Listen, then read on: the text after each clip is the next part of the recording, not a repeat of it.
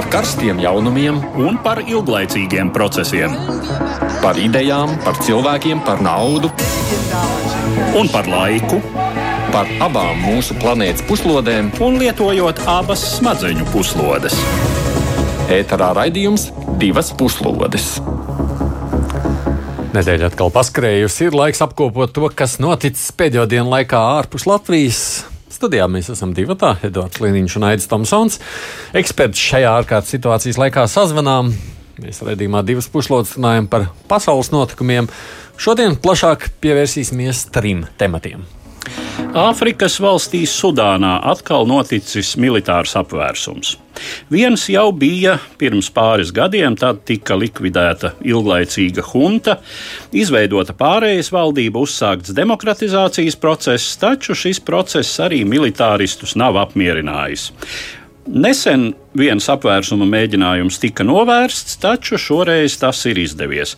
Mēs par Sudānu esam runājuši diezgan maz, tādēļ vērts saprast, kāpēc šajā Āfrikas valstī situācija ir tik dramatiska. Turcija šonadēļ gandrīz izraidīja desmit rietumu valstu diplomātus pēc tam, kad viņi bija iestājušies par turku aktīvistu Osmanu Kavalas atbrīvošanu. Tas ļoti ass un diplomātijā diezgan neparasts solis. Ties izskatās, šoreiz gan ir notikusi piekāpšanās, izraidīšana nenotiks.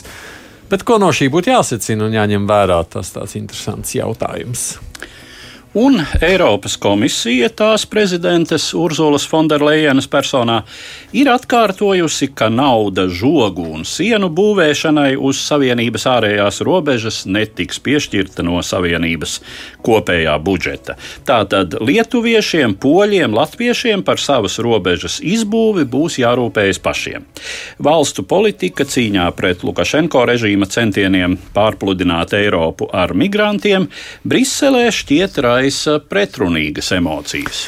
Būs mums raidījuma vidū kādas arī īsāk apkopojuma ziņas, bet nu šiem trim tematiem veltīsim vairāk laika. Sākam ar jaunumiem no Sudānas. Vispirms Edvards veidotais un mūsu producents ierunātais faktu apkopojums. Kopš neatkarības iegūšanas 1956. gadā Sudāna piedzīvojusi vairākus militārus apvērsumus un lielāko daļu šī perioda pavadījusi militāru diktatūru varā. Pēdējais no šiem periodiem sākās 1989. gadā, kad pēc militāra puča par valsts galvu kļuva pulkvedis Omārs Albašīrs, kurš sabija pie varas veselus 30 gadus. Viņa vadītā hunta tā arī nespēja atrisināt valsti plosošos iekšējos konfliktus, kuru pamatā ir pretstāve starp Sudānas ziemeļu un centrālo rajonu arābu iedzīvotājiem un nearābu grupām valsts dienvidos un rietumu un austrumu pierobežām. Asiņains pilsoņu karš dienvidos risinājās līdz 2005. gadam, un tā rezultātā 2011. gadā no Sudānas sadalījās apmēram trešdaļa teritorijas, izveidojot Dienvidu Sudānas valsti. Konflikts turpinās valsts rietumos, etniski jauktajā Darfuras reģionā, kā arī vairākos citos pierobežas rajonos. Režīma un tā atbalstīto arābu kaujinieku rīcība Darfuras konfliktā sagādājusi Al-Bašīram starptautiskās krimināltiesas apsūdzības genocīdā. Galu galā 2019. gadā valstī izvēršoties plašiem protestiem, diktatoru gāza cita virsnieku grupa. Varu pārņēma pārējais militārā padome, kas vienojās ar opozīcijas koalīciju, dēvētu par brīvības un pārmaiņu spēkiem, par pakāpenisku pārēju uz demokrātisku valsts iekārtu, kam jānoslēdz 2024. gadā. Tik izveidots pārējais augstākais pārvaldes orgāns Sudānas suverenitātes padome, kurā ietilpa kā militāristi, tā civilie politiķi. Ziņas, kas pienāca no Hartumas 25. oktobrī, liek domāt par trauslā demokratizācijas procesa pārtraukšanu vai vismaz apstādināšanu. Varu valstī ir pārņēmis līdzinājais suverenitātes padomas priekšsēdētājs ģenerālis Abdels Fatahs al-Burhans. Tūlīt pēc apvērsuma arestēti pieci civilās valdības ministri un arī līdzinājais premjerministrs Abdalla Hamdoks tiek turēts mājas arestā. Valstī ir izsludināts ārkārtas stāvoklis, armija bloķējusi transporta maģistrāles, bieži tiek pārtraukti internetu un telefonu sakari. Ģenerālis Burhans gan apgalvojas, ka pārējais periods turpināšoties un 2023. gada jūlijā paredzētās vēlēšanas notikšot kā plānots. Tomēr Sudānas iedzīvotāji nav gatavi samierināties ar militāristu atgriešanos pie varas, un Hartumā un citur turpinās plaši ielu protesti. Militāristi to izklīdināšanai lietojuši nevien asaru gāzi, bet arī kaujas munīciju, vismaz desmit cilvēkus nogalinot un apmēram 140 ievainojot.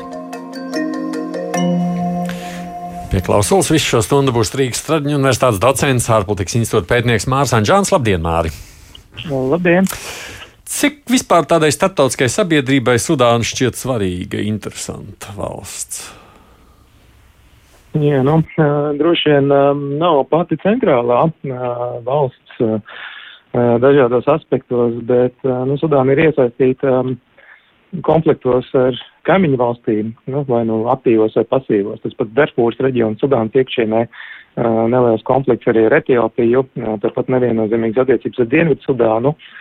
Un, un arī, nu, zinām, sarežģījumi ar Ēģipti, līdz ar to tas var veicināt plašāku nestabilitāti, ne tikai pašā Sudānā. Mm. Ja mēs jau nerunājot par Āfriku, tur jau tur, tur Edvards visu laiku vai ne tās. Jā, nu tur ir daudzām valstīm tāds interesants vēsturiskais mantojums un uh, robežas daudz kur ir vilktas nu, teiksim, Eiropas koloniālajām nācijām, daru, dalot savas varas sfēras, arī citādu vēsturisku apsvērumu rezultātā. Un līdz ar to tās nesakrīt ar kaut kādām etniskām robežām. Un Sudāna arī tipisks gadījums, kad teiksim, nu, gandrīz vai jāsaka, iegūstot neatkarību, tātad 50. gados. Līdz tam tā bija Anglijas un Ēģiptes kopīgi okupēta faktiski koloniāli pārvaldīta teritorija. Nu, pusiedzīvotāji ir arābi, otra puse ir tātad citu afrikāņu cilšu pārstāvi tālāk uz dienvidiem. Arābiem ir viens dzīvesveids, tie ir tūkstnešu nomadi, tālāk uz dienvidiem nu, tie, tie ir gani zemkopi, tur arī klimats ir drusku cits. Un, Tas viss ir tāds, eh, kā daudz kur Āfrikā, ļoti raips, etniski, mm, kultūrāls kokteils. Mm. Uh, un eh, centrālā vara, protams, nu, loģiski, ka teiksim, tādā situācijā militāristiem ir tendence pārņemt varu, jo tad šķiet, nu, ka ar militāru spēku var savākt to situāciju un saturēt valsti kopā, bet nu, Sudānas gadījumā ir pierādījies, ka arī Tas nav iespējams. Nu, tad jau, kā jau pieminēt, jau atdalījās jau viena teritorija. Jā, tā, tā, tā, tad Dienvidu Sudāna ir atdalījusies, un kas būs ar da, to Darfūru arī nav zināms, un arī robeža joprojām starp Dienvidu Sudānu tur ir vismaz viena teritorija, eh, kas pie tam nelaimīgā kārtā dro, droši vien jāsaka, ir bagāta ar naftu, mm. par, kuru ir, eh, par kuru joprojām ir eh, strīdus jautājums, vai tā piederēs eh, Sudānai vai Dienvidu Sudānai. Tur bija paredzēts referendums, tāpat kā pārējā Dienvidzudānā, tas tika atlikts. Jo acīm redzot, tā, tie naftas lauki ir pietiekami vērtīgi un faktiski to teritoriju uh, nekontrolē īsti arī valdība. Šobrīd tur ir sava uh, kārtējā opozicionāru militāristu grupa, kas, kas to, to teritoriju, diemžēl, nosaukumu es neesmu pierakstījis un neatceros. Ne, nu jā. Bet, ja runājam Māri savukārt par visu šo, tas, kas tas tā ir, tāda cīņa par ietekmi, par varu, par savus te, nezinu, teritoriju sadalīšanu. Tiek noteikti cīņa par varu, bet kopumā tas ir stāsts par vājām un neizdevušamies valstīm. Edvards jau var ieskicēt, protams, koloniālismu sekas, robežas ir vilktas, nu, mēs saskaņā ar etno reliģiskām kopienām, kur nu kur dzīvo, nu, tās sekas ir diezgan dziļas. Un, nu, liela daļa Āfrikas valstu ir diezgan, nu, nestabils iekšēji, un šis tikai parāda gadījums, cik ļoti grūti ir izveidot demokrātisku valsts pārvaldes formu. Jā, nu, pēc kāda laika atkal atnāk um, cilvēki formas tērpos un uh, padzem uh, civilo uh, valdību. Mm, es, man liekas, tā kā sākumā bija domājis, mēs laikam par Sudānu neesam runājuši, bet tagad, kad teicēji sākumā, pirms pāris gadiem, vai ne? Pirms tā, pāris gadiem, jā, jau, runājām jā, gan jā, tajā brīdī, kad, kad ilglaicīgais diktators Albašīrs tika nu, novākts. Nu, jā, nu, šajā, šajā gadījumā, tur, tur šajā gadījumā jā, bija jā, ilgstoši protesti. protesti. Šajā gadījumā citi ģenerāļi palūdza feldmaršalu mm. aiziet pensijā, nu, un arī ielikt cietumā un sāka pret viņu izmeklēšanu. Un, uh, viņa likteni vispār. Uh, Nu, viņa liktenis varētu būt diezgan bēdīgs, iespējams, jo um, kā nu kolēģi lems, bet šobrīd viņš, pret viņu notiek izmeklēšana par korupcijas uh, un arī dzēnu vardarbīgas protesta apspriež, apspiešanas apsūdzībām. Uh, nu, un, ja viņam ļoti nepaveiksies, tad viņu vēl izdos arī starptautiskajai tiesai Hāgā. Uh, bet, nu, varbūt, viņa bijušais kolēģis un pašreizējais uh, valsts līder, līderis Al Alburhans, vēl jau vairāk arī pats Alburhans 19. gadā sākotnēji ļoti aktīvi piedalījās šo protestu apspiešanā, un uz viņa, uh, viņa kontā arī ir. Uh, vairāk vai mazāk nu, daži desmiti bojā gājušo šo protestu apspiešanā, nu, kur viņš ir devis, acīm redzot, konkrētas pavēles. Nu, tad uh, visādi var būt. Uh, visādi var būt. Uh, tas, protams, arī ir viens faktors. Nu, kāds ir tas? Tā sacīt, līdzšinējais mantojums, un vai tiem militāristiem, kur nāk pie varas, nav arī tīri privāta vēlēšanās šādā veidā izvairīties no iespējamas Milit, tas ir krimināls vajāšanas par to, kas ir sastrādāts iepriekšējās huntas laikā. Tad, kad pirmdien, otrdien šīs ziņas gāja pa starptautiskiem kanāliem, nu, tad tur bija tā trauksme par to, ka tātad internets atslēgts, ļaužu protestu kaut kādi ir šaušanas demonstrācijas, ja protesta apspiešana ar militāriem līdzekļiem. Māri tā ļaužu, jeb tautas attieksme ko varētu sagaidīt no cilvēkiem tālāk? Jā, nu, tā vien izskatās, ka nav liela apmierinātība ar no, to lēmumu, kādu militāri personas pieņēmuši gāžot valdību. Jo pēc 19. gada apvērsuma, kad nu, Bašīrs tika gāsts, kurš tiek apsūdzēts arī genocīdā, Darfūrā, nu, bija liels cerības par to, ka Sudāna varētu attīstīties iet uz priekšu ekonomiski citādāk. Bet, uh, nu, acīm redzot, ka uh, civili iedzīvotāji to nesamierināsies. No otras puses, protams, nu, šādās valstīs tam, kam rokā automāts, tam arī spēks. Nu, līdz ar to, nu, to tālāko likteni noteiks vien bruņoties spēks šajā valstī. Domā, varētu būt asins izliešana? Nu, man jau ir bijusi no ziņas par vairākiem nogalinātajiem protestētājiem protestu laikā. Uh, Jautājums, protams, cik tālu tas ies, ja mēs skatāmies uz citiem gadījumiem, Jānma, bēdīgi slamenā arī, nu, Āzijā valsts, mm -hmm. arī šogad, kur notika apvērsums gada sākumā, nu, tur, protams, daudz asiņaināki notikumi ir notikuši. Vai tas ies tik tālu, to ir grūti pateikt, bet, nu, lielākoties, nu, šādi apvērsumi īstenotāji gatavi diezgan tālu iet, lai īstenot savus mērķus.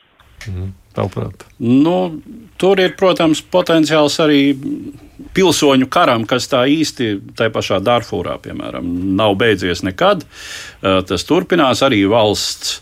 Austrumu daļā, pie robežas ar Eritreju, ir rajoni, kur iedzīvotāji, ja ne gluži ir separātiski noskaņoti, tad vēlas daudz lielāku pašnoteikšanos un atkal jau par naftas ieguvi dabūto līdzekļu taisnīgāku pārdali starp centru un provinci un tā tālāk.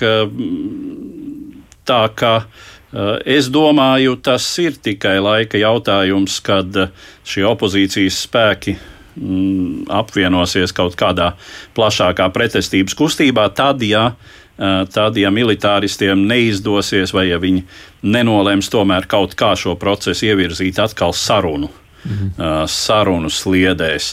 Nu, te vēl, protams, ir jārunā par apkārtējo situāciju. Un apkārtējā situācija ir tāda, ka, protams, gan Eiropas valstis, gan Savienotās valstis ir ļoti ieinteresētas, lai jā, Sudānā. Jā Eh, notiktu šis demokratizācijas kāpēc, process. Kāpēc? Jo es nu, tādā ziņā, tā, ka to Sudānu runā, te ļoti daudz pieminēja ASV un Eiropas Savienība finansējumu apturēšanu mēģina. Eh, nu, pirmkārt, tāpēc, ka ar Sudānas iepriekšējo huntu uh, ir bijusi ļoti bēdīga pieredze ar starptautiskā terorismu izmitināšanu, citas starpā Osama bin Ladens uzturējās Sudānā kādu laiku ar varas svētību. Eh, nu, un tad, protams, ar starptautisku spiedienu eh, izdevās panākt, ka tomēr šos teroristus no turienes palūdz doties projām. Bet tas, tas ir viens aspekts. Nu, un, protams, kā ar demokrātisku režīmu rietumvalstīm ir vienkāršāk teiksim, sarunāties. Bet jāsaka, ka neviena cita kaimiņu valsts īsti nav ieinteresēta, lai Sudāna būtu demokrātiska. Nu, ja, ne, ja neskaita es nezinu, nu, nu, no tādām reģionu valstīm, ja. Tur varbūt, varbūt Izrēla, bet teiksim, Ēģipte, kas ir Sudānas kaimiņu valsts un kurai ar Sudānu ir daudz vēsturiski kopīga, tur pie varas, kā zināms, ir militāra diktatūra, kurai droši vien nepārāk patiktu, ka Sudāna demokratizējas un tur ir tāds pārējais process un neieinteresētas esot arī bagātās Persijas līča, nebūt nedemokrātiskās monarhijas, Saudārābija, apvienotie Arābu Emirāti, ar kuriem Sudānas militāristiem ir nu, teiksim, tādas sakari, konsultācijas, šķiet arī zināma militāra palīdzība mm. nāk no šīm valstīm. Kā tu domā, Māra, ko tas varētu tālāk turpināties, tā notikuma attīstība? Es domāju, ka nemieri tiks apspiesti civilo protestētāju, un nu, tālāk šī te militāristu vadītā padoma turpinās darbu, un jautājums, vai nu, tiešām notiks vēlēšanas vai nenotiks, bet katrā ziņā nu, tālāko nākotni Sudāns noteiks militāri personas. Nevis ASV un Eiropa, vai ne? Nu, ļoti, ļoti diez vai, jo, protams, ka var izteikt kritiku, apturēt finansējumu, uh, bet nu, parasti šādi režīmi tomēr spēja pastāvēt. Mums ir tie piemēri, kas nesen ir bijuši gan Gvinēja, ko mēs nesen runājam šajā raidījumā, gan Malī, gan arī Mjanma, Āzijā, protams. Nu, viņi turpina pastāvēt, neskatoties uz to, ko domā citi ārpus šīs valsts. Jā. Savienotās valstis, protams, var apturēt savu palīdzību, ko tās arī ir izdarījušas. Vairāk simt miljoni ir iesprūduši, kas bija paredzēti Sudānai palīdzībā no Savienotajām valstīm, bet nu, mūsu laikos tas ir tā, nu, neiedos amerikāņi, paprasīsim Ķīnai. Un Ķīna, es domāju, ievērojot tās ļoti lielo interesi tieši par šo Austrumāfrikas reģionu, Ķīna, ar Ķīnu varēs sarunāt diezgan daudz ko, ja, ja gribēs. Nālēm par valstu attiecībām droši vien jārunā arī tālāk, jo šeit tāda jauna spriedze šajās dienās izvērsās starp Turciju un Rietumiem pēc tam, kad eh, Turcijas prezidents pieprasīja izraidīt no valsts desmit valstu diplomātus. Klausāmies vispirms ierakstu. Turcijas prezidenta Raģipa Tajipa Erdogana sestdienas paziņojums par apņemšanos izraidīt no valsts desmit ārvalstu vēstniekus solīja nopietnāko krīzi attiecībās starp Ankāru un vairākiem tās nozīmīgākiem starptautiskiem partneriem. Potenciāli izraidāmo sarakstā bija ASV, Kanādas, Vācijas, Francijas, Nīderlandes, Dānijas, Zviedrijas, Somijas, Norvēģijas un Jaunzēlandes diplomātsko misiju vadītāji. Turcijas līderu dusmu iemesls bija minēto vēstniecību kopīgs aicinājums Ankārai pildīt Eiropas cilvēktiesību tiesas lēmumu un atbrīvot no ieslodzījuma prominento uzņēmēju un filantropu Osmanu Kabalu, kurš jau piekto gadu atrodas pirmstiesas apcietinājumā.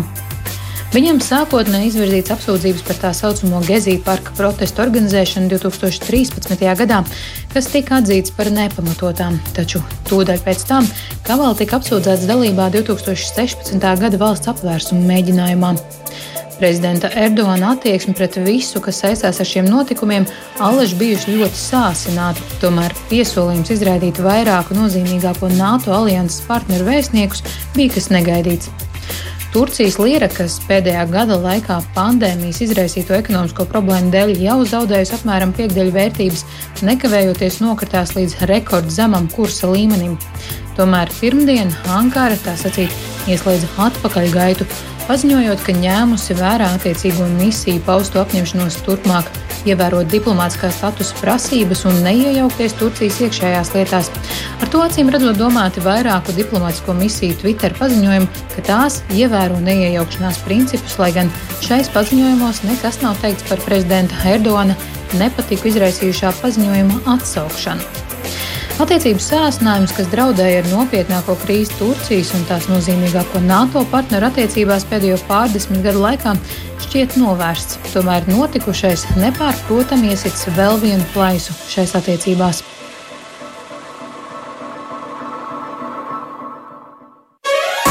Divas puslodes. Mums sarunai pie klausulas pievienojas arī politologs Veikos Polīts. Labdien, Veiko! Labdien, jums Rīgas studijā! Bet vispirms jautājums Mārim. Māri, cik šī situācija vispār ir tāda neparasta no starptautiskā prakses viedokļa? Jo tas, ka diplomāti prasa atbrīvot kādu vietējo, arī taču nav tāda ierasta lieta, vai ne? Jā, no tā līnija starp iejaukšanos, neiejaukšanos citu valstu lietās diezgan smalki ir. Un, un, un pieredze ir dažādas, bet uh, ik pa laikam, uh, protams, uh, citas valstis kritizē pārējās valsts vai tā būtu Krievija, vai Turcija, vai Ķīna, nu, par disidentu vajāšanu, par ieslodzīšanu un līdzīgi. Nu, Vaļnīs tas pats var būt labs piemērs mm -hmm. Krievijas gadījumā. Baltkrievija arī zināmā reakcija. Nu, tieši tā arī Baltkrievija, protams, kas tepat kaimiņos, tā, ka tas nav nekas tāds pavisam uh, neparasts. Startautiskās attiecības ir interesants tajā ziņā, ka nu, notiek daudz kas, un nu, šim arī ne, nebūtu jābūt kā lielam pārsteigumam. Bet, nu, ja būtu desmit valstu diplomāta izraidīšana, tas taču būtu gan pavisam kaut kas jau, vai ne? Nu, tas būtu diezgan jā, neganti, ja tā var teikt, jo nu, Turcijas attiecības ar rietumiem uh, ir diezgan sarežģītas. Turcija formāli joprojām ir uh, kandidāta valsts Eiropas Savienības paplašināšanās procesā. Protams, tā ir NATO dalība valsts, bet nu, jau labu brīdi, nu, faktiski no kopš uh, neveiksmīga apvērsuma piecus gadus atpakaļ Turcija aizvien vairāk atrodas savā orbītā. Aizvien vairāk uh, mēģina līdzsvarot attiecības ar citiem spēlētājiem un pats spēlē savu spēli. Un tas paradoks ir tāds, ka tā vien izskatās, ka rietumiem Turcija vajag vairāk nekā Turcijai rietums. Kaut gan tur arī var diskutēt par uh, uzsvariem. Hmm. Veikā skatoties nu, no šāda skatu punkta, kā tad ir runājot par nekas no Turcijas viedokļa, jau varētu pat gaidīt kaut ko tādu, vai ne? Pirmkārt, es gribētu atbildēt Mārim, kad laiks skrien ātri. Nu, jau seši gadi ir kopš uh, neizdevušās valsts apvērsuma. Bet atbildot uz tavu jautājumu, Eh, tātad eh, šajā gadījumā nu, tas viss, eh, viss tas pasākums izsīka kā sniegs agrā pavasarī. Un šajā gadījumā, protams, ir jāsaprot, ka, ja mēs runājam par startautiskajām attiecībām, tad tomēr ir jāsaprot, kas atrodas uz svaru kausiem. Un lai arī nav perfekta Turcijas republikas demokrātija, tā tomēr ir demokrātija. Un arī prezidents, kurš ir ieguvis referendumu ceļā lielākas pilnvaras, viņam ir jārēķinās ar uh, opozīcijas vadītajām Turcijas pilsētām un jārēķinās arī ar opozīciju, kuras spēks pieņemās spēkā arī um, tātad Medžlisā jeb um, Nacionālajā asamblējā. Un šajā gadījumā, protams, nu, neaizmirsīsim arī to, ka Turcija ir parakstījusi um, ANO startautisko cilvēktiesību dokumentu, Līdz ar to viņi ir parakstījusies uz tiem noteikumiem, kur ir aizsargā cilvēktiesības, un līdz ar to Osmana Kavalas cilvēktiesības šobrīd ir aizskartas. Tas bija pamats, kāpēc desmit valstu vēstnieki ļoti skaidri un nepārprotami norādīja uz tātad likuma nepilnībām.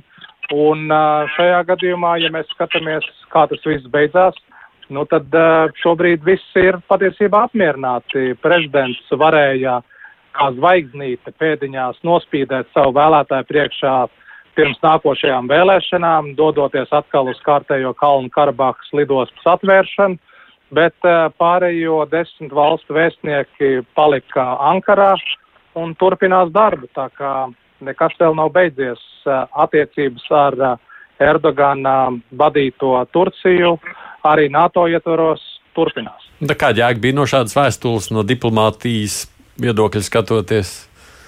Nu, šajā gadījumā tas bija šobrīd Erdogana pārreikināšanās.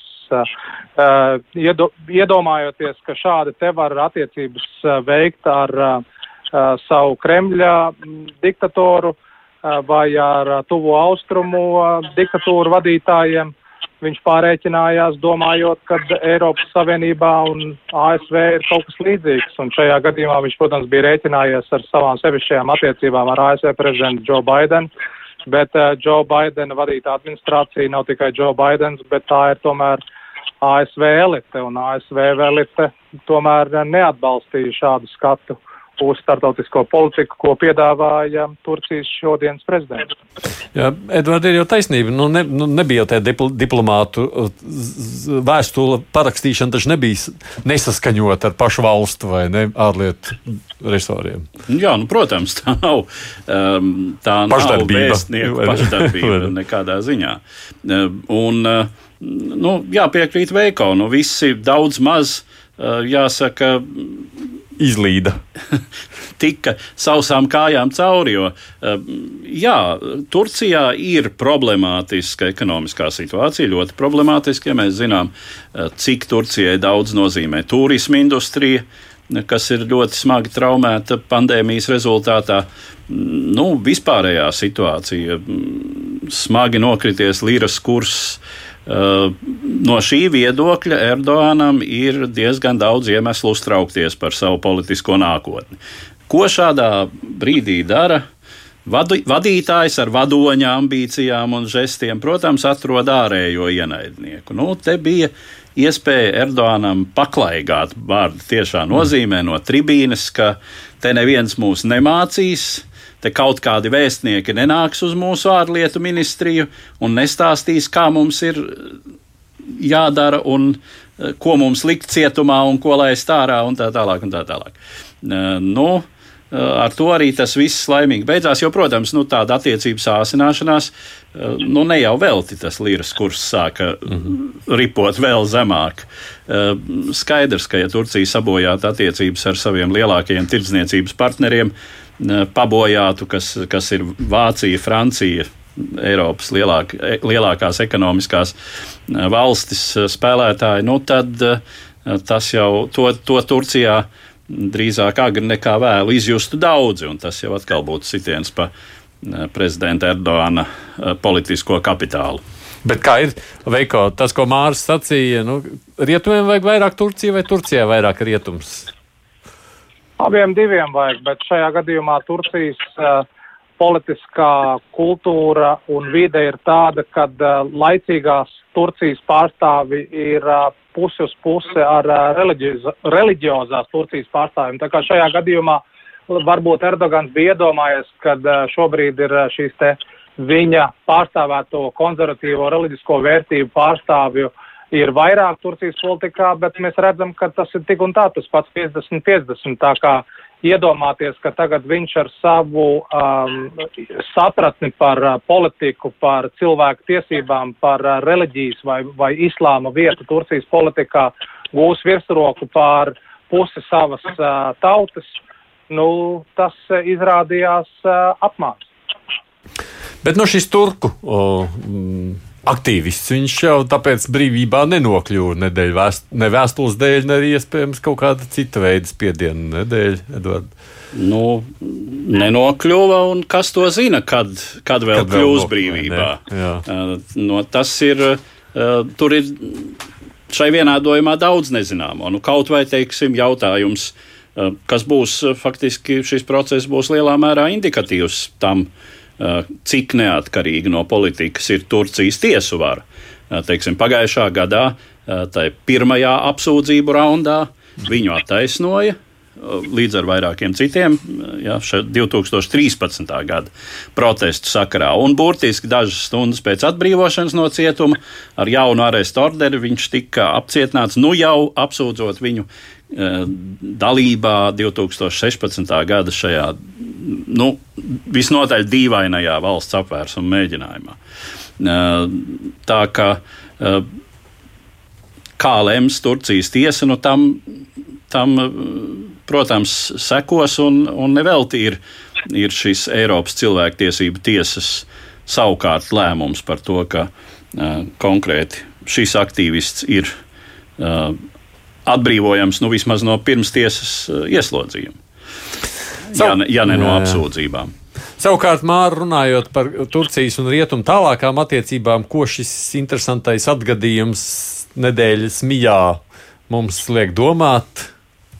To, ka jāskatās uz lielāku bildi. Nu, protams, šis incidents kā labi jau viena lapus ir tādā lielā grāmatā par attiecībām starp rietumiem un Turciju. Skaidrs, ka attiecības būs ļoti sarežģītas. Eiropas Savienībai Turcija svarīga nu, šobrīd um, pamatā dēļ potenciāliem migrantu plūdiem. Grieķija nesen pabeigusi mūru būvniecību uz robežas ar Turciju, uh, baidoties par afgāņu migrantiem, un Turcija nu, lielu nastu nes. Trīs vai cik miljoni uh, bēgļi ir uzņemti Turcijā. Bet to Eiropas Savienība arī nevar tik vienkārši, nu, kā saka, uh, tīri uz, uz principiem paļauties, arī jāskatās arī uz interesēm. Un, un, un tāpat arī nu, Turcijas uh, miedarbība ar Krieviju, uh, pretgaisa aizsardzības uh, sistēma pirkšana no Krievijas kā viens no piemēriem, ir ļoti daudz lietu. Skaidrs, ka attiecības būs sarežģītas.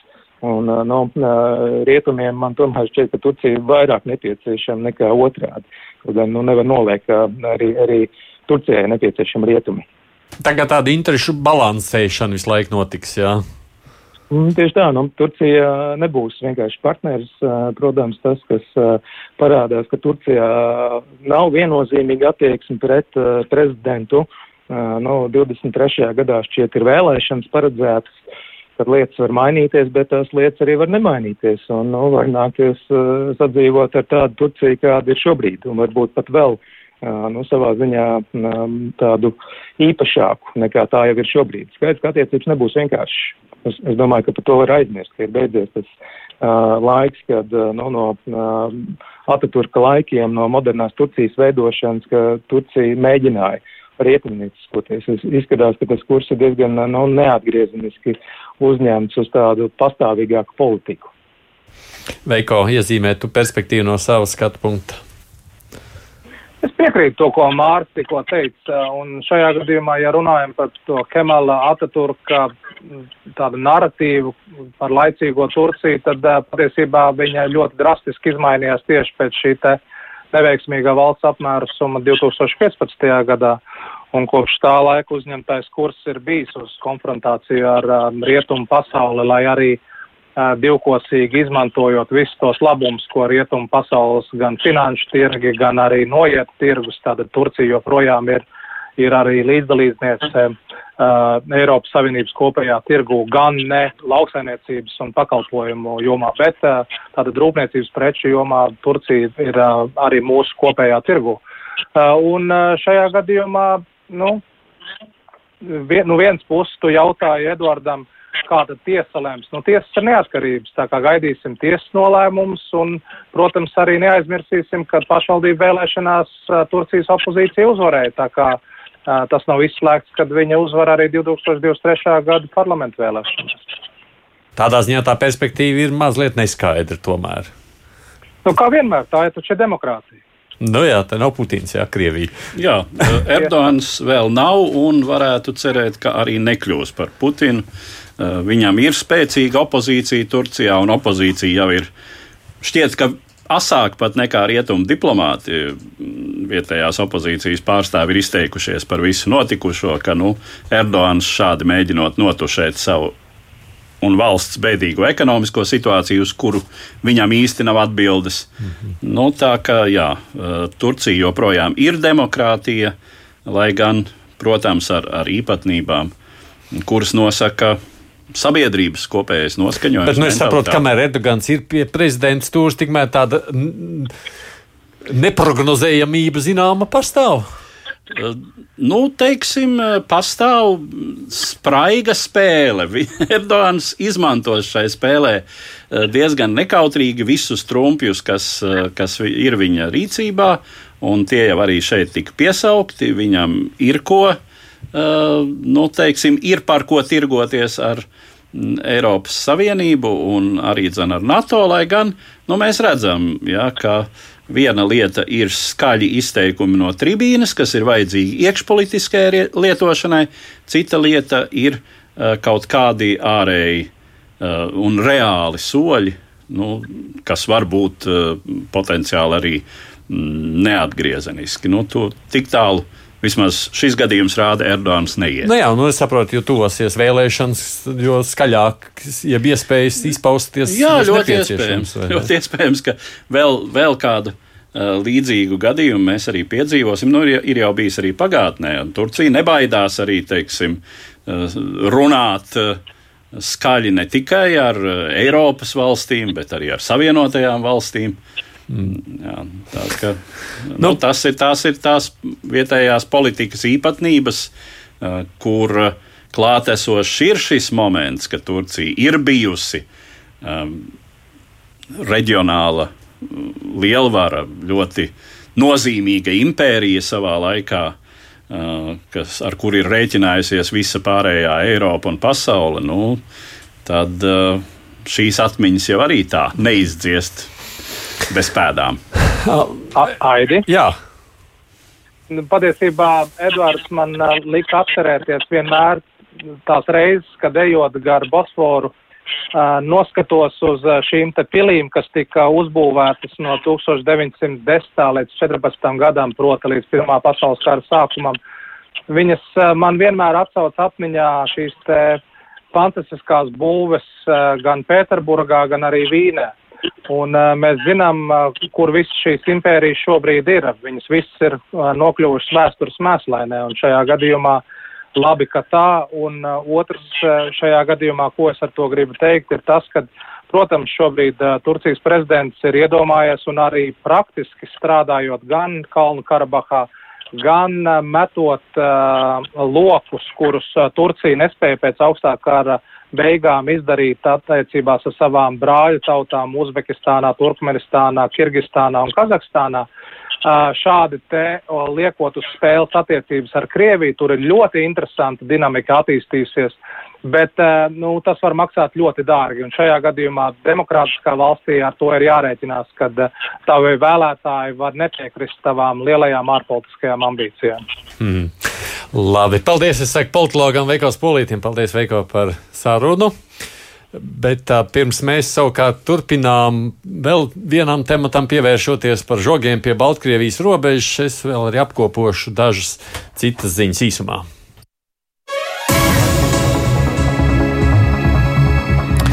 Viena no pamanītākajām ziņām šajā nedēļā bijusi tā, ka Eiropas Savienības tiesa trešdien piesprieda Polijai miljonu eiro lielu soda naudu dienā par to, ka tā nav ņēmusi vērā Briseles ieteikums atsaukt daļu no pretrunīgi vērtētajām tieslietu reformām. Polijas valdība skaidro, ka tieslietu reforma ir nepieciešama, lai vērstos pret korupciju tiesu sistēmā, kas nesot atbrīvojusies no komunistiskā režīma mantojuma. Reformas pretinieks saka, ka tās īstenošana rada draudus likuma varai. Reformas ietvaros tajā 18. gadā vēl tika izveidota disciplinārā kamera, kas pārauga augstākās tiesas tiesnešus. Nu, tās varā ir atcelt tiesnešu tiesisko imunitāti un samazināt algas. Varšavas pakļaušanās ir nepieciešama, lai izvairītos no nopietna un neatgriezeniska kaitējuma Eiropas Savienības tiesiskajai kārtībai un vērtībām, uz kurām šī savienība ir dibināta, jo īpaši likuma varai. Tā ir teikts Eiropas Savienības tiesas oficiālajā paziņojumā presēji. Eiropā atkal pieaug jauno Covid-19 gadījumu skaits, un līdz ar to arī saistīto nāves gadījumu skaits. Visvairāk upuri ir Krievijā, Ukrainā un Rumānijā. Tā liecina ziņa aģentūras AFP apkopotās aplēses. Nedēļas laikā saslimstība Eiropas mērogā ir pieaugusi par 18%. No 52 valstīm situācija uzlabojas vien septiņās. Vislielākais inficēšanās gadījumu skaita pieaugums ir reģistrēts Čehijā, Ungārijā un Polijā. Savukārt proporcionāli iedzīvotāju skaitam vismagākā situācijā esot Latvijā, Igaunijā un Gruzijā. Saslimšana visstraujāk samazinās Kosovā, Luksemburgā un Maltā. Skatoties tādā pasaules mērogā, Eiropā šobrīd vairāk nekā puse no jauno gadījumu skaita ir reģistrēta tieši Eiropā. Par vakcināciju runājot, tuvojas brīdis, kad vakcināt varēs arī bērnus vecumā no pieciem gadiem. ASV ekspertu grupa devusi jau savas rekomendācijas par labu vakcinācijas uzsākšanai, un arī Eiropas zāļu aģentūra šo pieteikumu jau vērtē. Par Covid runājot, ar vien biežāk parādās ziņas par kādiem sekmīgiem rezultātiem medikamentu izstrādē pret vīrusu. Eiropas zāļu aģentūras cilvēkiem paredzēto zāļu komiteja ir sākusi pātrināto vērtēšanu iespējami jaunām zālēm pret koronavīrusu molnupiravīram. To varētu izmantot ārstēšanai pieaugušajiem. Tie sākotnējie laboratoriskie pētījumi rezultāti un klīniskie pētījumi liecina, ka zāles var samazināt vīrusu spēju vairoties organismā. Tas arī novērš to pacientu hospitalizāciju un nāvi. Pašlaik tiek vērtīta zāļu kvalitāte, drošums un efektivitāte. Ir nepieciešams atbilstošs pierādījumu daudzums, lai ražotājs iesniegtu oficiālu reģistrācijas pieteikumu. Šobrīd gan vēl nesot iespējams prognozēt, kad tieši tas varētu notikt, un līdz ar to, kad zāles kļūs pieejamas ārstēšanai arī Latvijā.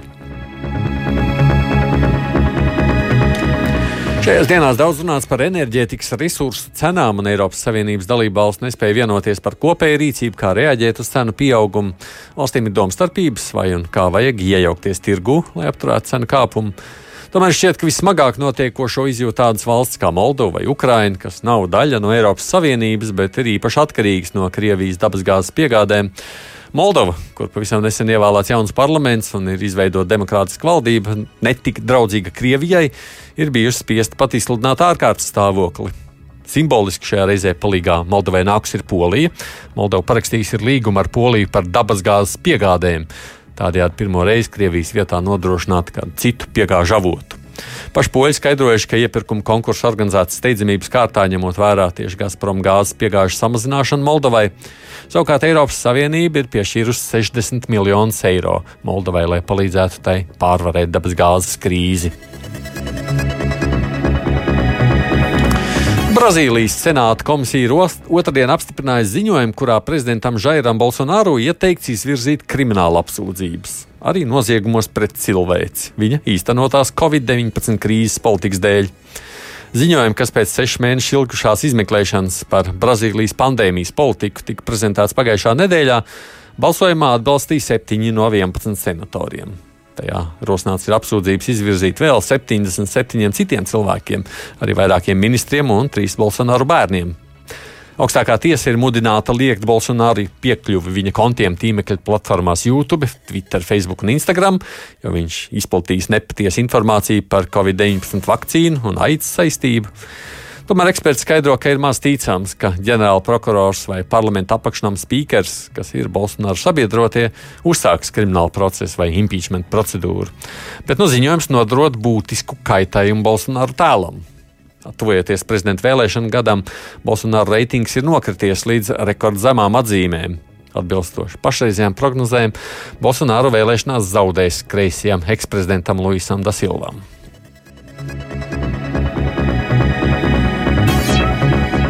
Nu, lūk, tādas bija dažas ziņas īsumā, un nu, par vēl vienu tematu par to, ka naudas žogu izbūvē pie Baltkrievijas robežas no Eiropas komisijas nebūs.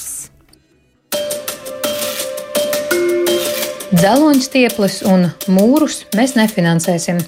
Šādu Eiropas komisijas prezidents Urzulas Fonderlejenas izteikumu kopš piekdienas citē pasaules mediju tā Eiropas Savienības izpildu struktūras vadītāji reaģējusi uz vairāku dalību valstu rosinājumu iesaistīties infrastruktūras izbūvē uz Savienības ārējās robežas, palīdzot apturēt migrācijas plūsmu, kas pēdējā gada laikā saistām pirmām kārtām ar Baltkrievijas diktatoru Lukašenko organizēto patvērumu meklētāju transportēšanu no Āzijas un Āfrikas valstīm uz Polijas, Lietuvas un Latvijas robežu. 7. oktobrī izplatītā vēstulē 12 dalībvalstu ministri, kuru kompetencē ietilpst robeža apsardzība, aicinājuši nekavējoties veikt virkni pasākumu savienības līmenī, lai stiprinātu tās ārējo robežu, tā skaitā finansēt fizisku barjeru izbūvi. Vēstuli parakstījuši Austrijas, Bulgārijas, Čehijas, Dānijas, Grieķijas, Igaunijas, Kipras, Latvijas, Lietuvas, Polijas, Slovākijas un Ungārijas ministri. Ursulas Fonderlejens paziņojums izskanēja Eiropas padomas samita noslēgumā. Migrācija bija viens no šī samita dienas kārtības jautājumiem, un vienota pozīcija par konkrētajiem risinājumiem tā arī netika panākta. Daudzu dalību valstu līderiem acīm redzot vairoties no viņu prāt pārlieku drakoniskiem soļiem pret robežu pārkāpjošiem patvērumu meklētājiem. Tomēr Ursulas Fonderlejenas paustais, ka Eiropas komisija un Eiropas parlaments ir vienoti nostājā nefinansēt dzeloņa stieples, šķiet gluži neatbilst patiesībai. Vispamanāmākais šajā sakarā ir Vācu Eiroparlamenta deputāta, Tautas partijas frakcijas vadītāja Manfreda Vēbera vakar paustais viņa Twitter kontā. Mēs nesaprotam, kāpēc Eiropas Savienība nevar finansēt žogu uz Baltkrievijas robežas. Notiek hibrīdkarš. Mēs nedrīkstam būt naivi. Lietuva, Latvija un citi ir pelnījuši mūsu pilnīgu atbalstu, ieskaitot fondus fiziskai robežai, ja nepieciešams. Atgādījumi pie klausulas ir Rīgas Traģiņu universitātes docents ārpolitikas institūta pētnieks Mārsāns Džons, un vēl mums pievienojies ir Eiropas parlamenta deputāts Roberts Zīle. Labdien, Zīles kungs! Labdien, labdien! Tad, kad krīze uz Baltkrievijas robežas vasarā sākās, visos medijos toreiz arī tika atkārtots, ka Eiropa žogu izbūvi nefinansē. Māri, vispirms, varbūt jautājums drīzāk jums. Tas, ka vispār šīs runas tiek uzturētas, tas liek domāt, ka uz Eiropas komisiju tiek izdarīts spiediens tomēr par šo nostājas maiņu. Jā, nu, viedokļi pretrunīgi diezgan gan dalībvalstu starpā un arī starp Eiropas Savienības institūcijām. Ja tas tikai normāli, ka nu, ir, ir šāda rīvēšanās, ja tā var teikt, un dažādi viedokļi. Droši vien vispamatā ir tas, ka nu, situācija paņēma uz pārsteigumu daudz ne tikai Baltkrievijas kaimiņus, bet arī nu, citas dalībvalsts. Un no Eiropas Savienības dalībvalstīm ir dažāda pieredze. Rietumos nu, tur ir grūti iedomāties, ka jābūvē būtu mūri vai žogi uz robežām, nu, kur nav bijuši šādi gadījumi. Dienvidu valsts droši vien saprotošāk šajā ziņā, kas saskarās ar migrantu plūsmām visu laiku. Nu jā, bet es par to Eiropas nostāju Zilskungs. Nu, it kā jau šķiet, visu laiku ir komisijas acīs, nē, nē, nē, žogiem, nē, vai ne? Uh, nē, nu, tas, ir, tas ir klasisks piemērs Eiropas tam, tā, tādam pseido politkorektumam, vai faktiski tās saknes jau balstās katras dalībvalsts valdības pozīcijā, kurai ir konkrēts elektorāts. Un, ja mēs paskatāmies tagad arī pēc Vācijas vēlēšanām, neapšaubām kreisi, teiksim, kreisā un liberālā valdība, ieskaitot arī zaļās partijas, ļoti daudzās lielākajās valstīs ir tās, kas veidā valdību. Un skaidrs, ka tam elektorātam nepatīk šādas robežu būves. Un, ja mēs atceramies, arī visumā pat konservatīvas valdība 2015. gadā tajā migrantu krīzē faktiski nu, neļāva Ungārijai būvēt žogu ar Serbiju, kas īstenībā nu, nozīmē, ka šie cilvēki kā pats gāja uz Vāciju. Un uh, līdzīgi kritizēta tika Itālijas valdība pirms kāda gada diviem, un Grieķijas valdība šogad pavasarī par to, ka viņa veic šo angliski runājot pushback atstumšanu, tātad šo te migrantu. Tā kā, nu, diemžēl tas parāda Eiropas uh, politikas vairākuma, nu, tādu, kā lai saka, divkosību. Ja te pašā laikā es domāju, ka Vācijā viss politiķi tur īkšķis, lai Polija, teiksim, noturētu ar armijas un ne tikai robežsardz palīdzību šos plūstošo plūsmu, kas ir ceļā uz Vāciju. Mm. Es jau pareizi. Vācija nav parakstījusi šo 12 iekšlietu ministru vēstuli. Nu jā, tas gan jā. Bet eh, vispār jau es saprotu, Briselē jau šaubās, vai ne, Eduard, vai poļi rīkojas pareizi, vai latvieši, latvieši rīkojas pareizi. Jā, eh, šaubās gan. Eh, nu, mēs jau to chronoloģisku uzskaitījumu dzirdējām, ja Ungārija pat diezgan atklāti nosodīja šīs migrācijas krīzes laikā, lai gan tur jau šo cilvēku skaits, kas virzījās cauri Balkāniem uz, uz, nu, ar mērķi nonākt Vācijā, bija krietni, krietni lielāks nekā tagad. Tad pret Grieķiju, kas joprojām ir spiesta ar šīm problēmām saskarties uz robežas ar Turciju. Un, Pret, pret to jau ir varbūt drusku pielaidīgāka, pielaidīgāka nostāja. Nu, tas, kas ir jauns šajā brīdī, tas ir, protams, šī hibrīda kara situācija vai nu, hibrīda apdraudējuma, hibrīda uzbrukuma. Par karu varbūt tā skaļi teikt, bet nu, hibrīda mm -hmm. uzbrukums nepārprotami no Baltkrievijas puses, kur nu, tas ir izteikti mākslīgi organizēts. Nu jā, valsts jā, līmenī. Ar, ar varas struktūras piedalīšanos, tas ir kaut kas jauns.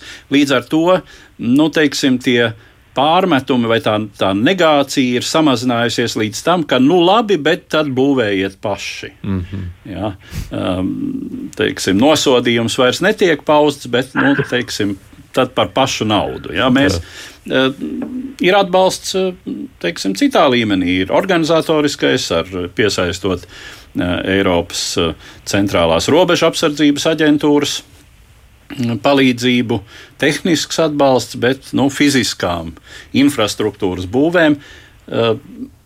Nu, teiksim, no nu tā nav viennozīmīga atbalsta. Un, un tur, tur jau ļoti zīmīgi, protams, ka tās valstis, kurām šādas problēmas īsti nu, nav, kuru robežas šādā veidā neviens ļoti konkrēti neapdraud, nu, tām arī tā nostāja ir šai ziņā nu, viss, teiksim, pēc, Nu, jā. pēc Zīles kunga definīcijas viskreisākā šajā gadījumā. Ja? Jā, bet vai, Zilskungs, vai tā nostāja tomēr tādā ziņā kopumā Eiropas līmenī mainās, viņas nosveras? uz- Nu, mazliet, jā, nu, kaut vai arī Manfrēda Vēbera, Eiropas Tautas partijas līdera paziņojums, nu, kaut kā līdzsvarot, tai pašā laikā šī lielākā parlamenta grupa, cik es zinu, neko neveicināja 22. gada budžetā šo jautājumu virzīšanu. Gal galā Fonda Lajena ir viņa, nu, varētu teikt, bloka partijas biedre no Vācijas, kur tikko cieta zaudējumu kopīgi Vācijas vēlēšanās. Tas nozīmē, ka šim paziņojumam arī nav pārāk liela nozīme, jo parlamentā nebūs vairākumu. Šim atbalstu iespējams pat Eiropas Saudijas partijas grupā visām partijām nebūs. Bet tur nav tikai šī geogrāfiskā pieredze. Es vēlreiz uzsveru, ka paskatāmies, Spānija ir liela pieredze ar migrantiem, bet tur ir sociālistu valdība. Itālijai ir uh, ļoti nu, varavīgsnes valdība, tas varbūt ir cits, bet arī ļoti liela pieredze. Uh, un šis parāda to, ka, un savukārt Grieķija, kurā ir pieredzējusi, un tur ir uh, Eiropas tautas partijas grupas premjeras un, un viņa vadošā koalīcija, tur tomēr ir šis te, nu, šo 12 valstu vidū, kas ir par to, ka vajag finansēt no Eiropas puses arī šīs uh, cietās robežas. Bet nu, mums gan godīgi sekot tā ciniski runājot, gan jāpriecājas, ka Polija vēl neliks, neprasīs uzlikt vēl vienu miljonu sodu, jo pusotru jau viņiem vienā uzskaita par diviem pārkāpumiem par to, ka viņi uzbūvēs zeloņu stiepu žogu un nelaidīs migrantus pārējais. Tā ironizē mazliet, bet tā no tās patiesības nav. Um, tas, nu, manā skatījumā šeit ir ļoti daudz divkosības, jo faktiski tā, tā paši, kā, tāpat kā mūsu robežu sargi un lietuvieši un, un faktiski polijas, šie spēki faktiski notur tos, to, to, ko negrib redzēt ne Vācija, ne arī, teiksim, Luksemburgas premjeras kurš, ir, kurš te pašā laikā nodarbojās ar visām uh, liberāli zaļām domām savā iekšpolitikā, ieskaitot marihuānas legalizāciju un tam līdzīgi Eiropas vidienē. Uh, nu, es, mm -hmm. es, es vienkārši tiešām esmu tikko teiksim, atbraucis no, no Briseles no šī darba, un es, es jūtu to gaisotni, kas ne jau tik par šo jautājumu, bet kopumā ir ļoti elektrizēta un īstenībā vidējā termiņā runājot bīstama Eiropai. Mm. Bet, ja runājam starp citu par šo konkrēto robežu lietu, vai ne, Polija jau iznes to smagumu, vai ne tagad mūsu tā, vietā? Tieši tā, un mūsu ne vietā. jau tik daudz savās interesēs, jo šie cilvēki jau viņu uz robežu jau saka tāpat kā 2015. gadā laidies mūsu uz Vāciju. Nu, mēs jau negribam tas- Polijā palikt. Tas gan Nu, jā, un līdz ar to es domāju, šis laidiet mūs uz Vāciju arī pašai Vācijai nemaz vairs tik saulains nešķiet. Un Vācija, starp citu, pastiprina robežu ar Jā, Poliju. Mēs Vācija redzam, nosūtījusi papildu policijas spēkus un uh, vismaz vienu mikroautobusu ar uh, attiecīgiem migrantiem tur arī aizturējusi un uh, izsakošos uh, organizētās noziedzības tīklus, kas nodarbojas ar šo, jo tas jau nenotiek stihiski. Lukašenko kungam ir sadarbības partneri, tās, tās mm, noziedzīgās grupas, kas ar to nodarbojas jau gadiem. Nu jā, un arī Vācijas iekšlietu ministrs Zehofer kungs, kurš ir šai Vācijas valdošajā kristīgo demokrātu partijā, nu tātad viņš pārstāv šo Bavārijas meitas part, māsas partiju, ja, mm -hmm. Kristīgu sociālo savienību. Viņš arī ir izteicies, ka valstīm ir tiesības sargāt savus Sargāt savas robežas. robežas. Mārija, ko piebilst pie tā, ko mēs te runājām? Uh, nu, vienīgi to, ka tiešām tā ir kompleksa dilemma, jo geogrāfiski, ideoloģiski, simboliski faktori miedarbojas, nu nav viegli. Uh, bet, domāju, tas, ko Edvards teica, ka nu, savā ziņā tas tāds uh, kompromiss. Naudu nedosim, bet, uh, ja vēlaties, tad būvējiet paši. Uh, nu, Eiropas Savienība nav viegla uh, organizācija un ir nu, visiem kaut kā jāsadzīvo. Skaidrs, ka tas tā vēl turpināsies. Un kaut kādu atbalstu jau dod, vai ne? Nedod Jā, ne, nu, te ir jāsaprot, ka te tiešām saduras divi principi, no kuriem viens ir nepārprotami gadu simtiem, tūkstošiem pastāvējis princips, katra valsts ir tiesīga aizstāvēt savu robežu un nelaist tai pāri katru gribētāju. No otras puses, salīdzinoši jaunāks ir uh, katra cilvēka tiesību princips gūt patvērumu uh, no vajāšanas, ja viņš uzskata to par uh, savu situāciju par tajā Nu, jā, bet te labi, šitajā diskusijā mēs aiziet ļoti tālu. Es jebkurā gadījumā saprotu no Zīles kunga, ka kaut kad nākotnē drīz būs jārunā par Eiropas Savienības jā, tālākiem izaicinājumiem un riskiem. Jā. Jā, nu, ja man ir dažas sekundes, es vēl vienu piemēru varu minēt. Nē, nepaspēsiet piemēru, nē, bet, bet sakiet, ka Labi. ak aktuāli tas būs vai ne? Piedodiet. Būs, būs aktuāli. Jā, Labi, jā. labi, viss kārtībā. Jā, es arī. Jā, jā, Eiropas paldies. parlamenta deputāts Roberts Zīle un Rīgas Traģiņu universitātes docents ārpolitikas institūta pētnieks Mārs Anžāns. Paldies jums, kungi, par iesaistīšanās sarunā. Līdz ar to es saku arī paldies visiem pāriem, neapšaubām Edvardam Liniņam, Ledim līdzautoram, Ievai Zeizai, kas ir producents studijā, biju es Aidis Tomsons. Tiekamies pēc nedēļas lūkosim, kas jauns būs noticis.